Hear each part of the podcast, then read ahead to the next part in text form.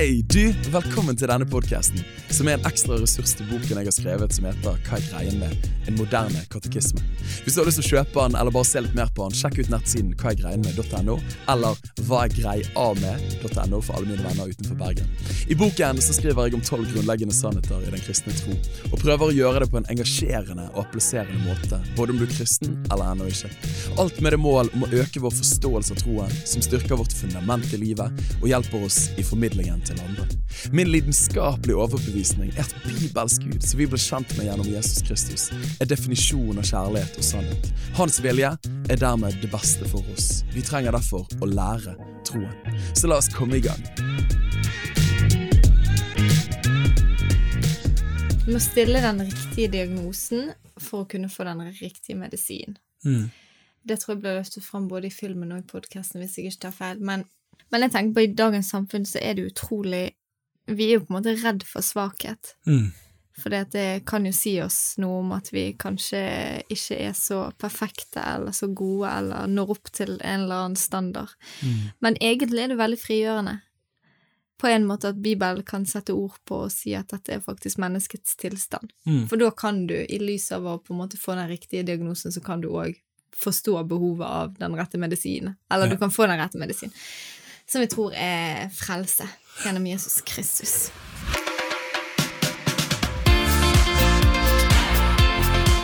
Velkommen til Preach-podkast nummer to med meg, Helene. Og meg, Daniel Serbjørnsen. Stedet der vi ønsker å finne svar som er å sette fri og ikke fast. I denne måneds podkast nummer to søker vi å reflektere enda mer over månedens tema på bakgrunn av deres innsendte spørsmål, temafilmen, ekspertpodkasten og våre erfaringer fra livet og samlivet. Oh yeah, la oss begynne!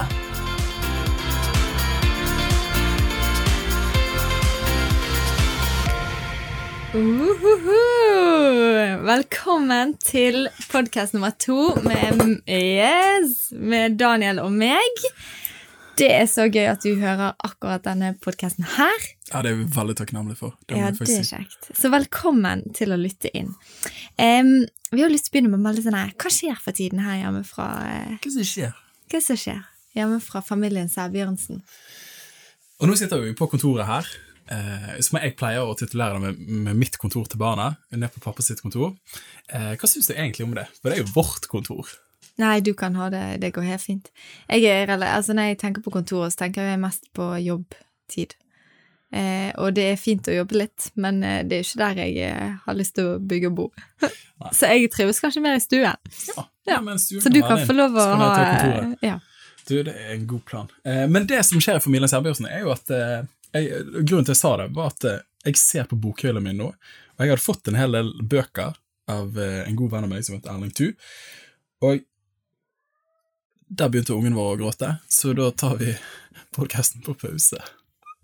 Da er vi tilbake igjen, men det jeg skulle si, var at eh, jeg har fått inn alle bøkene som jeg har fått, og så har jeg systematisert de etter tematikk. Noen tar det etter eh, liksom utseende, estetikken. Eh, hadde du foretrukket det? Um, nei, jeg hadde nok sikkert syntes at det ble på en måte litt for upraktisk hvis jeg skulle finne noe, men jeg kjenner jo tilbøyeligheten til å kunne liksom plassert de røde ett sted, de blå ett sted, eller for eksempel de høye ett sted og de lave ett sted. Jo, ok, men jeg tror på en måte at hvis jeg først skulle liksom brukt bøkene til noe, som, eh, Som er jo man- intensjonen, Yes. eh, egentlig. så tror jeg kanskje jeg hadde funnet litt frustrerende å ha liksom skjønnlitterær og eh, faktabøker liksom blandet i en annen. da. Ja.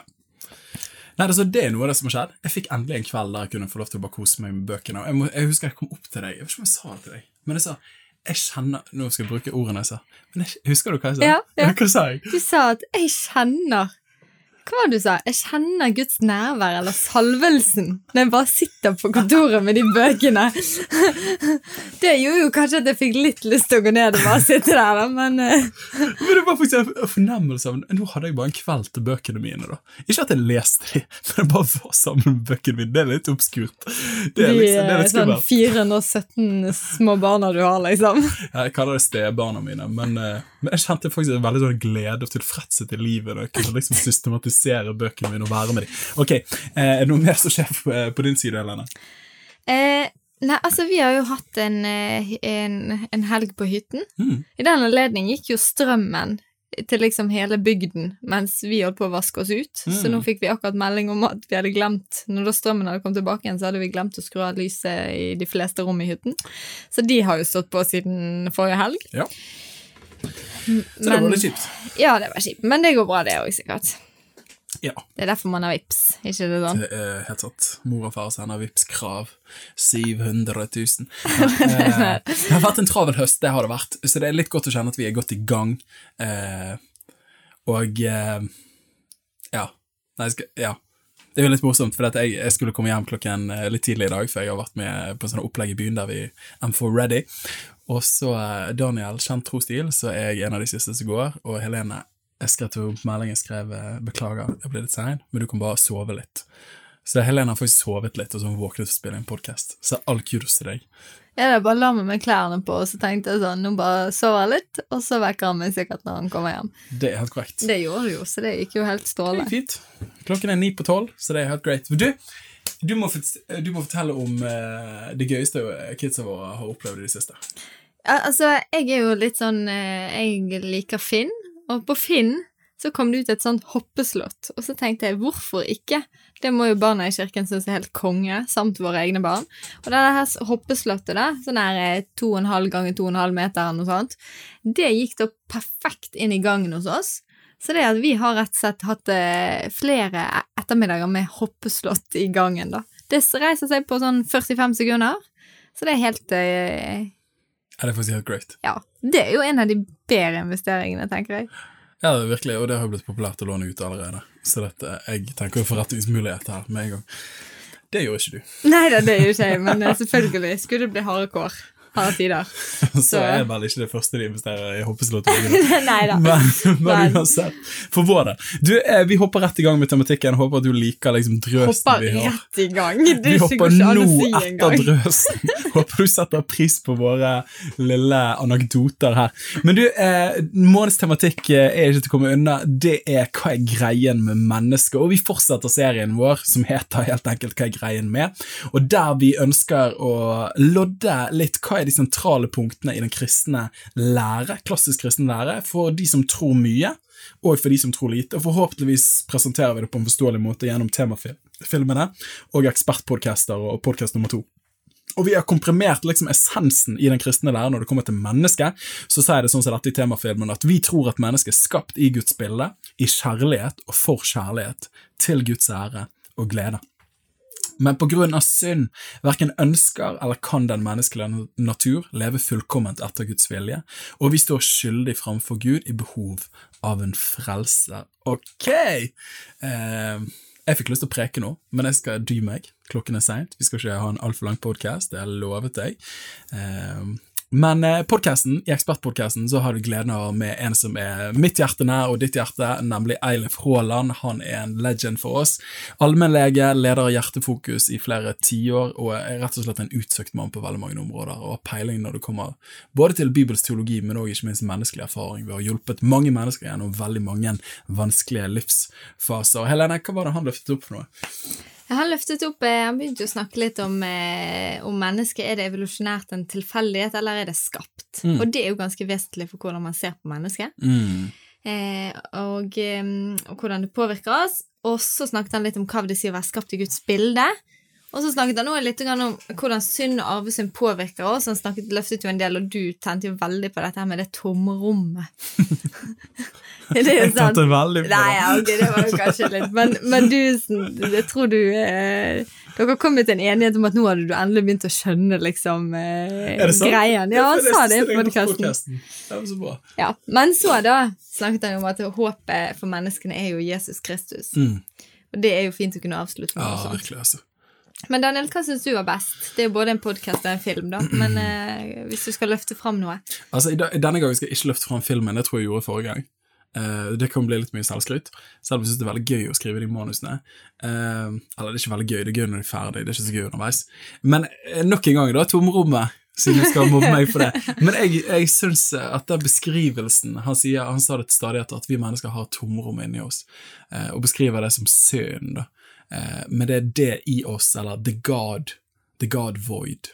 Altså gudrommet som ikke er fylt, men som bare Gud kan fylle. Eh, og det er vel eh, Jeg vet ikke om jeg sa det i podkasten, eller noe sånt, men jeg, elsker et sitat fra Augustin, en av de gamle oldkirkelederne fra 400-tallet. Han sa at Gud, du har skapt oss for deg, og våre hjerter er urolige helt til de kommer hjem til deg. Et eller annet sånt. da. Eh, og det syns jeg er veldig bra sagt. Så dette tomrommet føler jeg gir på en måte et språk, og ikke minst for folk som ikke tror, som sier at det må være mer til livet enn dette. Er dette alt? Eh, altså, og det tror jeg jeg kan kjenne meg igjen i det. Ok, nå er jeg gift, nå har vi unger, eh, nå har vi bil, nå har vi hus, lever for så vidt greit, liksom, spennende liv, men, men det må være mer, liksom. Eh, det syns jeg han satte ordet på bra. Ja. Du da, var det noe som sto fram for deg? Altså, jeg tenkte på det med eh, Altså, i, i dag Ja. Du må stille den riktige diagnosen for å kunne få den riktige medisin. Mm. Det tror jeg ble løftet fram både i filmen og i podkasten, hvis jeg ikke tar feil. Men, men jeg tenker på i dagens samfunn så er det utrolig Vi er jo på en måte redd for svakhet. Mm. For det kan jo si oss noe om at vi kanskje ikke er så perfekte eller så gode eller når opp til en eller annen standard. Mm. Men egentlig er det veldig frigjørende. På en måte at Bibelen kan sette ord på og si at dette er faktisk menneskets tilstand. Mm. For da kan du, i lys av å på en måte få den riktige diagnosen, så kan du òg forstå behovet av den rette medisinen. Eller Ja. du kan få den rette medisinen. Som vi tror er frelse gjennom Jesus Kristus. Ja. Ah, Så det ser jeg var så- bra. Så bra. Oh yeah. Du, da hopper vi i gang med første spørsmål. Eh, første spørsmål, tusen takk til deg som sendte det. Eh, tror dere mennesker er skapt av Gud, eller hadde Darwin rett med sin evolusjonslære? Uh. Du, rett fram så står vi for et klassisk syn, i tråd med den kristne tradisjonen eh, som den alltid har gjort, nemlig at vi tror at Gud er skaper og opprettholder av alt liv. Eh, og hvis vi ser på noen bibelvers som eh, underbygger dette, så er det jo i begynnelsen skapte Gud himmel og jorden. Jorden var uformet og tom, og mørket lå over dypets overflate. Eh, og Guds ånd svevde over vannflatene. Da sa Gud det blir lys, og det ble lys. Det står i Første Mosebok, kapittel 1. Og så står det jo òg i Hebreane 11,3, så står det ved tro forstår vi at verden ble formet ved Guds ord, at de ting som ses, ikke ble til av de synlige ting. Så vi holder frimodig fast ved Gud er virkelig. Han har skapt mennesket og hele universet.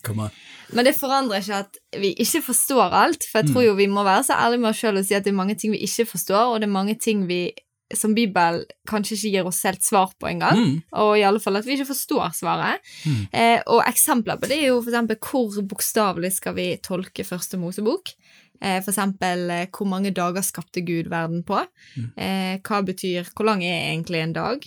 Kan Gud ha brukt Big Bang? Videre. Viktige spørsmål, men dog kanskje ikke det viktigste spørsmålet Mm. likevel. Jeg er helt eh, enig med deg. Eh, jeg tenker at, eh, at på en måte at de store linjene, det store rammeverket, gir Bibelen oss.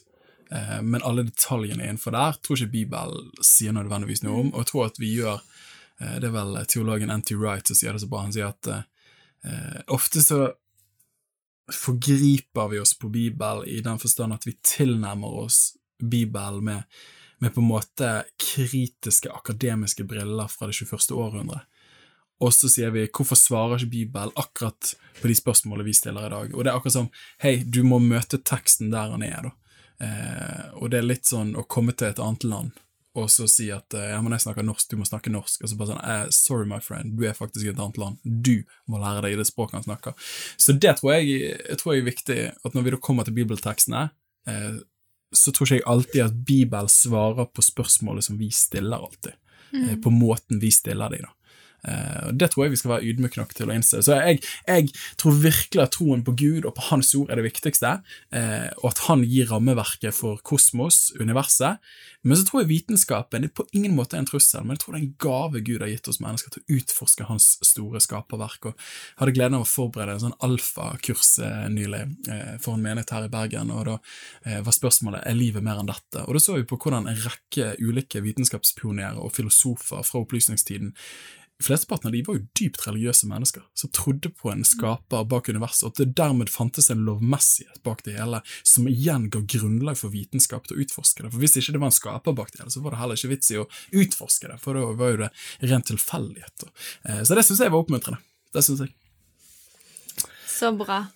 Du, Vi hopper inn i spørsmål nummer to, eh, som sier er som følger. Hvorfor er noen mennesker så gode, og noen så onde? Det, det der er jo et uh, kjempespørsmål, og jeg tror ikke vi skal lete oss veldig langt ut fra livene våre fra egen menneskelig erfaring at uh, hvis jeg sier 'tenk på et godt menneske', så går tankene fort til en person som du tenker 'åh, vet du hva, bestemor'. Nå bare se for meg bestemor med liksom stor mage, bollemage, men som i tillegg baker boller og smiler og store røde skinn. Det var morsomt bilde som kom inn i hodet mitt, men bestemor er kanskje ikke helt sånn. Men uansett, du tenker på en god person, men så tenk på en ond person. Det er jo liksom sterkt ord å bruke, men en person som ikke er kjennetegnet av godhet. Så kommer òg tankene våre på noe. Da. Og jeg tror at, uh, at Bibelen og i Det nye testamentet maler en veldig tydelig beskrivelse av oss mennesker som kontrastfulle mennesker. På den ene siden skapt vakkert i Guds bilde, men på den andre siden så er vi skadet av det Bibelen kaller for synd.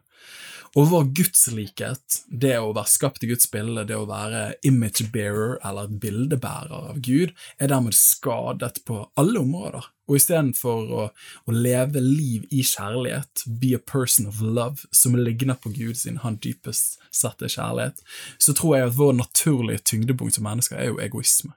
Eh, og det kan jo man si eh, etter at man har fått barn, det er et klassisk eksempel å bruke det, men, men får du barn, så ser jo du at eh, barnet er ikke utelukkende eh, god når det kommer ut. At den egoistiske naturen, tilbøyeligheten til å tenke på meg istedenfor deg, være personer egoisme istedenfor kjærlighet, ligger så utrolig nært hver og en av oss. da.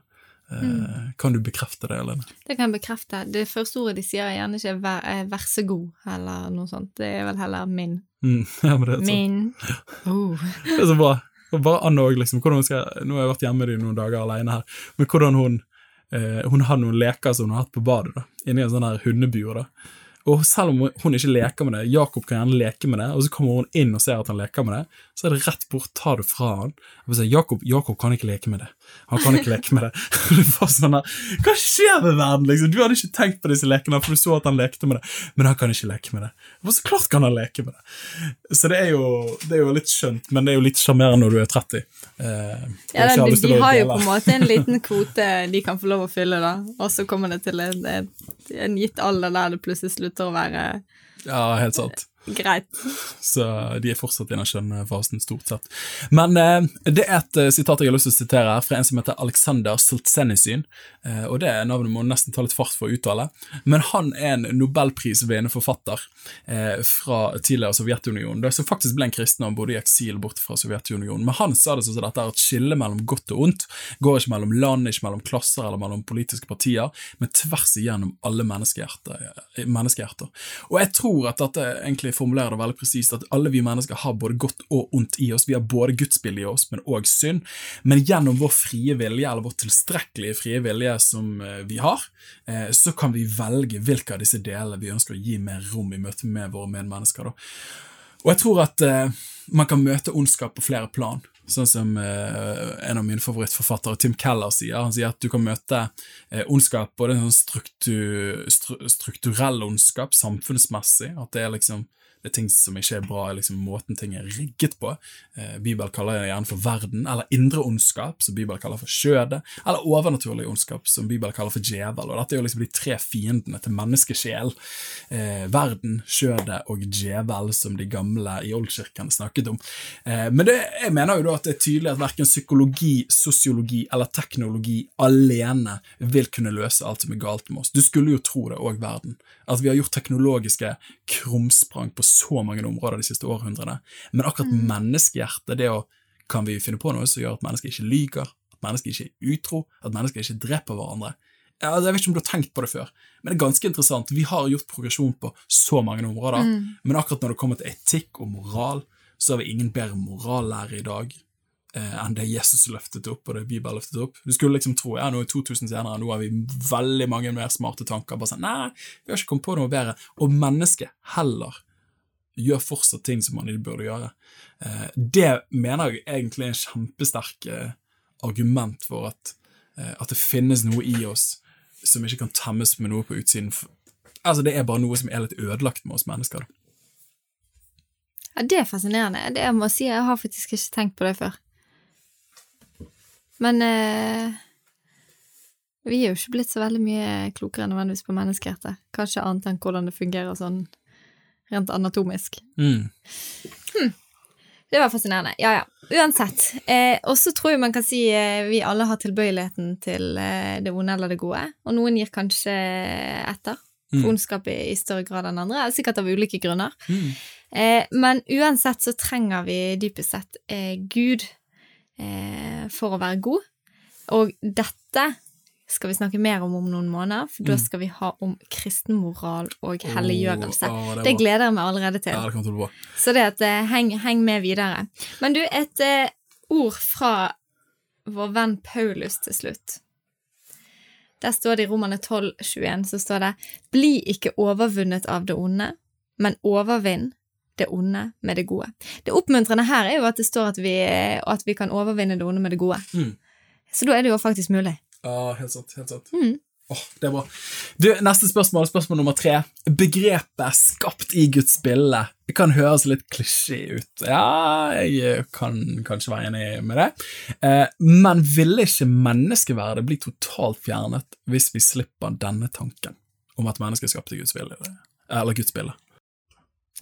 Du, det der tror jeg er et kjempepoeng. Eh, for i serien som vi hadde for en tid tilbake siden, som eh, vi løftet opp i sted òg, men moderne myter, så så vi hvordan, eh, på hvordan hele vårt vestlige samfunn bygger på en kristen verdensforståelse.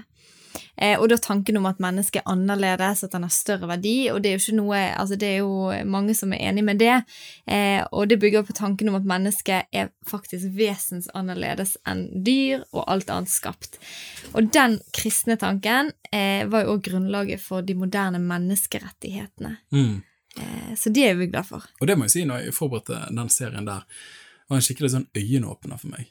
At mange av de tankene som vi tar for gitt i vårt eh, vestlige, liberale samfunn, har faktisk veldig dype kristne røtter. Og ikke minst, eh, jeg tok vel opp det med identitet, sant. At eh, i tidligere tider så spilte det egentlig ikke så veldig mye rolle hva den enkelte mente. Men du var en del av en klan, en stamme, en folkegruppe, og, og du levde for å oppfylle den gruppens mål. Så kommer den kristne troen og bare sier hei, hvert enkelt menneske skapt i Guds bilde har, indi, har liksom en iboende verdi. Det er verdt å lytte inn til hver menneske. Eh, og så har vi trukket det for langt. Men, eh, men jeg syns det er kjempeinteressant. Ok, men nå snakker vi bort her. Eh, eh, du, En av de fremste argumentene for Guds eksistens for meg i løpet av de siste årene har faktisk vært det moralske argument, som det heter. Eh, og da er tanken følger det sånn som dette at hvis det ikke finnes en skaper, og da en objektiv standard for rett og galt, da finnes jo det heller egentlig ingen etikk eller moral. Altså Hvis det ikke finnes en skaper som har skapt noe og sagt at dette er bra, dette er dårlig, så finnes det ingen kan, Det er ikke, det er ikke meningen å snakke om etikk eller moral. og Med andre ord så er ingenting rett eller galt, godt eller ondt, og da blir det egentlig et totalt liksom, anarki. da. Og er man konsekvent med en sånn naturalistisk menneskesyn, verdensforståelse, så kan jo man stille spørsmålet hvorfor er menneskene mer verdt enn dyrene. Og, så og bare når jeg sier det, så vil jeg jo nesten samtlige som lytter inn bare ja, så klart er mennesker mer verdt enn dyrene. Ja, men hvis du faktisk er en konsekvent ateist som ikke tror at det står en skaper bak, og som har gitt mennesket en større verdi enn alt annet skapt, da er jo ikke vi mer verdt. Eh, og dette her er jo det som gjerne blir kalt sosial darwinisme, hvor den sterkestes rett er det som gjør seg gjeldende. Og skrekkeksempelet tenker jeg er når du fjerner menneskeverdet til en gruppe mennesker, og det setter oss da fri til å behandle de gruppene umenneskelig. Det syns jeg er ganske interessant. Og nå kommer det en liten kule fra meg. Er du klar for det, Helene? Mm, helt klart. Altså, jeg, eh, jeg tenker på jødene under andre verdenskrig. Her har du en eh, Tysklands befolkning, sikkert den eh, befolkningen av Europa som kanskje er høyest utdannet. Eh, et effektivt folkeslag, dyktig folkeslag, kultivert folkeslag. Men klarer å gå med på den ideen etter nok antall år at jøder er det som truer landet vårt og framtiden vår, og det er greit å stue dem bort, og etter hvert så er det greit å drepe dem, og du begynner med krystallnatten osv. Hva er greien der? Der tenker jeg det er propaganda over så lang tid som er med å fjerne menneskeverdet. Jøder. Man slutter å kalle dem mennesker, man begynner å kalle dem kakerlakker, man begynner å kalle dem andre skjellsord, rotter. Eh, og med en gang du dehumaniserer det i språket ditt, språket ditt former tankene dine, og tankene dine påvirker atferden din. Så det, hvis jeg da bare begynner å snakke om de annerledes, så begynner jeg å tenke om de annerledes, og når jeg begynner å tenke om de annerledes, så begynner jeg å oppføre meg annerledes overfor de da. Og da ender du plutselig opp på et punkt der det er greit å forfølge en gruppe mennesker fordi du har fjernet menneskeverdet fra dem. Og jeg personlig eh, mener jo at kanskje den, den største tragedien på dette området er jo definitivt aborten. Abortpraksisen eh, som vi har i store deler av verden, der vi aborterer fostre i mors liv. Og der har jeg tenkt på òg eh, Vi sier jo embryo, man sier foster. Mm. Eh, man, man, bruker sånne medisinske begrep nesten mm. om det, istedenfor å si barnet i mors mage. Mm. For med en gang du sier 'jeg skal abortere bort dette barnet', så begynner jo alle å tenke 'men hva i huleste er det du holder på med'? Det er jo et menneskeliv. Men med en gang du sier at embryo er en celleklump, så er det dehumanisert. Mm. Det er ikke et menneske, det har ikke en sjel, det har ikke en tanke, det har ikke følelser. Det mener jeg at uh, der trenger vi å ta språket tilbake. Det er jeg hellig overbevist om at det er et barn, det er et liv fra unnfangelsen. Uh, så det, tenk på det. Språket påvirker måten du tenker på, og sånn du tenker påvirker sånn du agerer og handler. Da. pass på språket ditt. ja. Absolutt. Og det tenker det er jo noe av det som har gjort det, det vestlige samfunnet såpass bra òg. At Mm. man eh, har en, et menneskeverd som gjør at vi på en måte, selv om man kan være dypt uenig med folk, eh, så blir ikke din menneskeverd satt i tvil. Eh, og vi må behandle hverandre med respekt for å kunne, og kunne leve godt sammen. Mm. Så det at det, det er jo altså Jeg tror ikke vi aner hvor mye det har eh, Eller det former eh, kulturen vår. At, at man kommer fra de kristne røttene som sier at vi er skapt i Guds bilde med en hensikt, og at mennesker er eh, verdt eh, mye. Mm. Eller mye, det var verdt mett, ja, alt. Ja, så det har en uendelig verdi. Ja. Og det, Jeg husker når jeg studerte uh, livssyn, så en sekulær humanist vil gjerne si at det at mennesket har en høyere verdi enn alt annet, er en aksiomatisk sannhet, var begrepet de brukte. Men det betyr helt enkelt sånn er det bare. Akkurat som, Man har ikke liksom en, uh, man, man kan ikke argumentere for det, det er bare sånn Men sånn er det bare. Ja, for det, det skjønner Det på en måte forstår alle. Alle forstår at mennesket, så klart, du kan snakke, du kan, eh, du kan reflektere, du er selvbevisst. Ingenting annet er det. Nei, så, så Vi må jo bare forstå sånn er det bare. Ja. Eh, jeg mener jo det i seg sjøl er jo bare kjempe Ja, når alle føler det. Ja, kjempepoeng om at her kan det kanskje være en skaper bak. Eventuelt, hvis jeg eh, Jeg tok moralske argumentet, som jeg sa. Eh, hvis på en måte jeg, jeg tenker nei, vi må bare la de eh, barna i den regionen bare sulte og dø, så vil alle si nei, men det er ikke greit. Nei, men hvorfor er ikke det greit, hvis det ikke det finnes en rett objektiv eh, standard bak det hele? Da er det bare din mening mot min mening. Da er jo den som roper høyest, vinner. Så, ja, ok, nå kjenner jeg meg giret her, men en type som heter Francis Schaefer, Schaefer eh, kjent, eh, kjent tenker, han brukte bilder av to liksom, etasjer og nivåer. Han sier at det moderne mennesket eh, sier at det ikke tror på Gud, eh, men man er ikke en konsekvent ateist, eller man lever ikke bare på den første etasjen, så er det immanente, eller bare liksom det du kan observere og erfare her og nå. Men han sier at når mennesket får behov for litt håp, eller mening, eller verdi, så hopper man opp til etasje nummer to, da, som er liksom den transcendente. Det er der Gud er inne i bildet. Eh, og man er da ikke konsekvent i sin virkelighetsoppfatning. Og, og for eksempel begravelser. Eh, gjerne folk sier jeg, vi tror ikke på Gud, eh, tror ikke at det finnes noe mer, men kan likevel i en begravelse si at eh, jeg gleder meg til vi ses igjen. Og hva, gjør man der? Da hopper man opp en etasje, og så sier man ja, men det må jo være noe mer. Og bare sånn, ja, nettopp! Eh, eller eh, det er en mening bak det jeg går gjennom akkurat nå. Jeg bare sånn, ja, Hvis du ikke tror på en gud, hvis du ikke tror det finnes noe mer, så jeg, det er jo ikke noe mening, da. Eh, og så er det akkurat som eh, det å ta inn den brutale virkeligheten av et naturalistisk verdenssyn der det bare er det som er, det er så brutalt at ingen mennesker klarer det virkelig.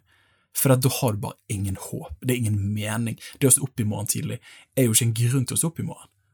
For hvorfor skal du gjøre det? Det er jo ingenting, det jo, finnes jo ingen bedre framtid. Altså, det er liksom You have no reason to live. Og så må du konstruere en grunn, men den grunnen du konstruerer, er jo supersårbar.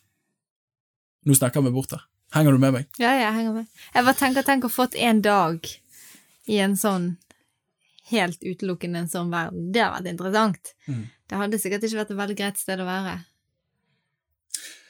Altså eh, Å, jeg kjenner vi nerder litt her. Jeg skal, jeg skal passe meg, vi har bare ett spørsmål igjen. Men Fredrik Nietzsche, han var jo en filosof. Men han eh, er jo den som sier eh, Gud er død, og vi har drept han. Og han er redd for hva skjer nå. Og så sier han at, at det er jo Gud som gir mening til tilværelsen. Så det vi ender opp med nå, er det som han kaller for nihilisme. Men det betyr meningsløshet. Så nå er alt bare et svart rom.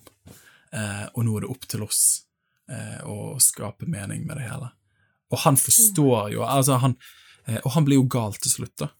Og flere kommentatorer og analytikere vil jo si at han blir det fordi det går så innover han, forståelsen at hvis det ikke Gud finnes, da er jo det ikke noe som er rett eller galt. Da er det ingen grunn til å stå opp, da finnes det ingen framtid. Det er rett og slett bare tomhet.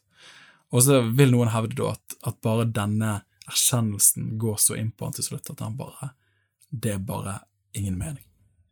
Hva Også- skjedde med han? Det er en helt Nei, eh, historien da, er jo, det er fascinerende, men jeg tror han er, han er i Italia, og så skriver han, eh, jeg vet ikke om han er i Venezia eller Firenze eller et eller annet sånt, eh, og så ser han ut vinduet, og så er det en hest som blir slått veldig mye av herren sin, og så forstår han at denne hesten klarer ikke mer, så hesten kreperer og gir etter, og faller om, og da løper han ut.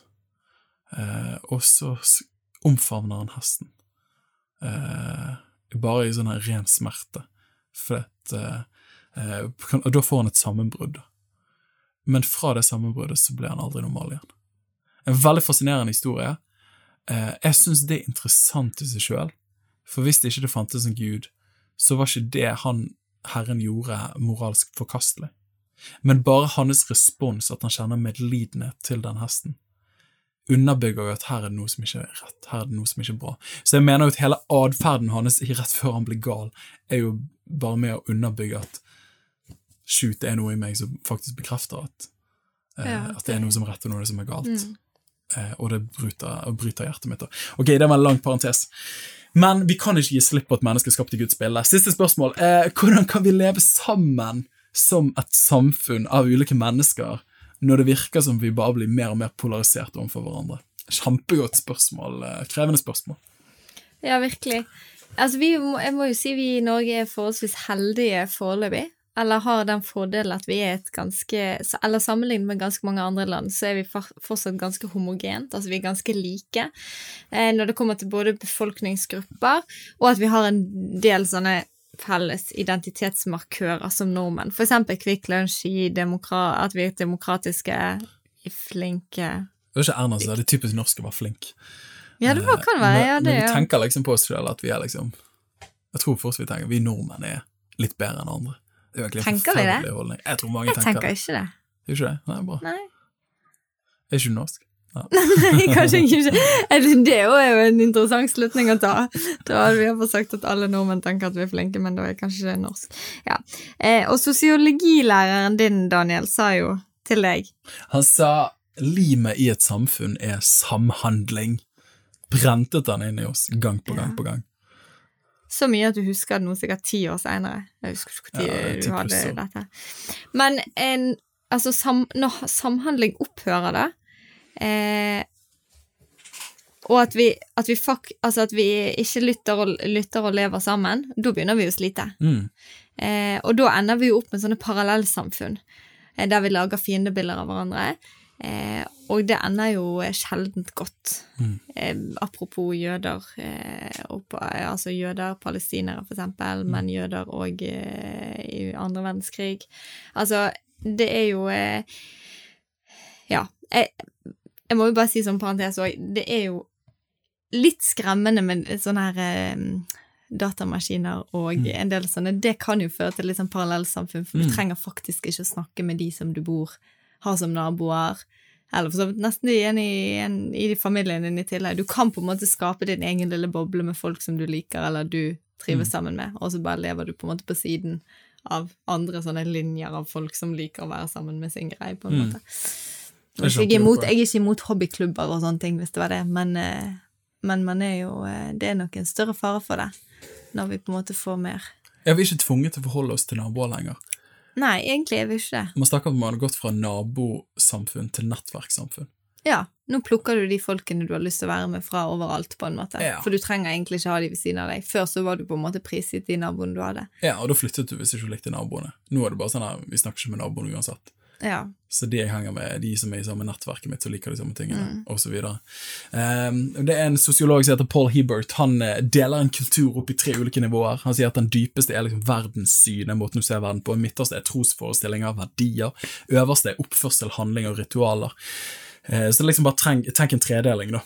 Uh, jeg tror at vi som samfunn uh, preger oss at vi fortsatt har liksom et kristent verdenssyn i bunn, selv om man ikke gjerne har et reflektert forhold til det. Og så tror jeg eh, som vi deler til en viss grad et felles dypt eh, Altså en verdensforståelse til en viss grad, eh, vi som lever i Norge. Men jeg tror det holder på å forvitre.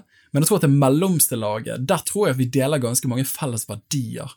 Ikke minst her i Norge, hva vi er enige om og hva vi er uenige om f.eks. menneskeverd tror vi på ytringsfrihet, trosfrihet, demokrati osv. Det vil igjen gjøre at vi kan forenes om veldig mange felles praksiser, altså f.eks. et valg som vi nylig hadde i Norge nå 13.9., eh, som gjør at samfunnet kan fungere noenlunde greit. Eh, så dette eh, Om samfunnet kommer til å splitte mer og mer opp Jeg tror at, sånn som du sier, at hvis ikke vi er veldig bevisst, så ender vi opp med at vi bare samhandler med de som er klin like oss og da bygger vi fiendebilder, avstanden blir større, og vi slutter å lytte og leve sammen. Eh, men samtidig så tror jeg det er så mye av institusjonene og måten landet vårt er rigget på, at vi er på en måte fortsatt liksom tvunget til å forholde oss til hverandre, og vi deler så mange verdier at vi på en måte står inne for det. Men spørsmålet blir jo fortsetter det å utvikle seg, så er det skummelt. ja, eller hvis man tar verden som helhet, da. Ja, Eller er jo en på annen litt sak. andre land. Vi er jo på en måte heldige i Norge, vi er jo ikke så veldig mange mennesker. Eh, og har jo på en måte de siste Altså ja, over lengre tid hatt en forholdsvis sånn stabil Mm. Og der kan det jo godt være òg at nesten Jeg skal ikke si at krigen gjorde oss godt, men når et land opplever eh, trengsel på den måten, så skaper det jo gjerne en eh, Altså en eh, tilhørighet og en eh, samhandling som er god, da. mm. Eller i alle fall i vårt tilfelle gjorde det det ja virkelig. krigen. Så Nei, vi må huske det. Alltid snakke og samhandle, sånn at vi eh, ikke sitter på hver vår tue Ja, det tror jeg og så er bra. mis misfornøyd med livet. Og da må jeg, jeg må faktisk bare slippe ut litt sånne hjertesukk til oss kristne. Jeg hørte på en podkast forleden der eh, Torbjørn Røe Isaksen, han som var, var kunnskapsminister for Høyre, eh, han fikk spørsmålet av Tore og Tarjei i Dagen-podkasten, eh, der liksom ja, hvis du skulle være konsulent for konservative kristne Norge, hva ville du sagt til dem? Og det var så forfriskende å høre på når han snakket. Han bare sa vet du hva jeg ville gjort? Da vil jeg sagt til dere, kom dere ut i den offentlige samtalen, stå opp for det dere tror og mener, og argumenter for det så godt dere kan, og ikke bare liksom det står i Bibelen, men liksom løft fram hvorfor dette er bra. da. Og her er poenget mitt. da. Hvorfor skal vi gjøre det? Det er jo superubehagelig. Majoriteten i Norge liker jo ikke liksom klassisk kristne verdier. Eh, det er jo rart, for noen tiår siden så elsket alle det, eh, eller mye mer akseptert. Men jeg tror at fort så ender vi opp med å tenke at folk ikke liker klassisk kristne verdier, så vi må bare trekke oss tilbake på bedehusnivå og ta for gardinene og drikke husholdningssaft. Men det som skjer da, er at vi fjerner oss fra samtalen. Men hvis vi faktisk går inn i den offentlige samtalen og sier vi tror på dette, og vi argumenterer for det, og vi er full av nåde og full av kjærlighet, så kan folk være riv ruskende uenige med oss, men likevel, de respekterer oss, og de vet i hvert fall, de må forholde seg til oss. da. Eh, så jeg tror det er viktig at vi ikke gjør det rommet mindre, og jeg tror at vi kan ende opp med å gjøre det rommet mindre ved at vi kansellerer oss sjøl fordi vi klager på cancel culture. Men vi må faktisk våge å stå opp og, og løfte stemmen for det vi tror er sanne, gode eh, verdier å bygge livene på. Åh, kjenner blir giret. Ok, vi må oppsummere. En liten veiledning til slutt her. Hva er det vi har snakket om? Vi har snakket om at Gud har skapt mennesket. Mm. Det er jo dagens gladmelding. Eh, mennesket er er motse- fullt av motsetninger. Eh, ondt godt, men overvinn det onde med det gode. Mm. Hva mer har vi snakket om? troen gir oss menneskeverde, Mm. eh, som er en ulevelig verden hvis ikke vi har det. Og skal vi leve sammen, så må vi snakke sammen, og vi må samhandle. To s-er. Vi må snakke, vi må samhandle. Eh, og vi trenger òg å enes om noen felles verdier og praksiser. Eh, det tror jeg er kjempeviktig. All right, du, dette her var sent på kveldingen, men jeg håper at du hører den der eh, du er litt mer våken enn det kanskje noen av oss er akkurat nå, uten å nevne navn. Men eh, tusen takk for alle de innsendte spørsmålene. Eh, og det er en glede, altså virkelig, det er en glede at, eh, at du tar tiden til å lytte. Eh, og takk for at du er med på reisen vår her i Preach, der vi ønsker å finne svar som er satt fri, og ikke sette fast. Ha en fantastisk dag videre. En episode er over. Jeg håper du fikk mye ut av den. Hvis du er giret på enda mer, sjekk ut boken på hvaegreienmed.no og andre ressurser som finnes der. Og til slutt har jeg lyst til å dele bibelverset som har vært min drivende motivasjon bak det hele prosjektet, som er Paulus sine ord til Timoteus. Gi nøye akt på deg sjøl og på læren. Fortsett med det, for når du gjør det, skal du frelse både deg sjøl og de som hører deg. 1. Timoteus 4,16. Så la oss lære å leve troen til liv for verden.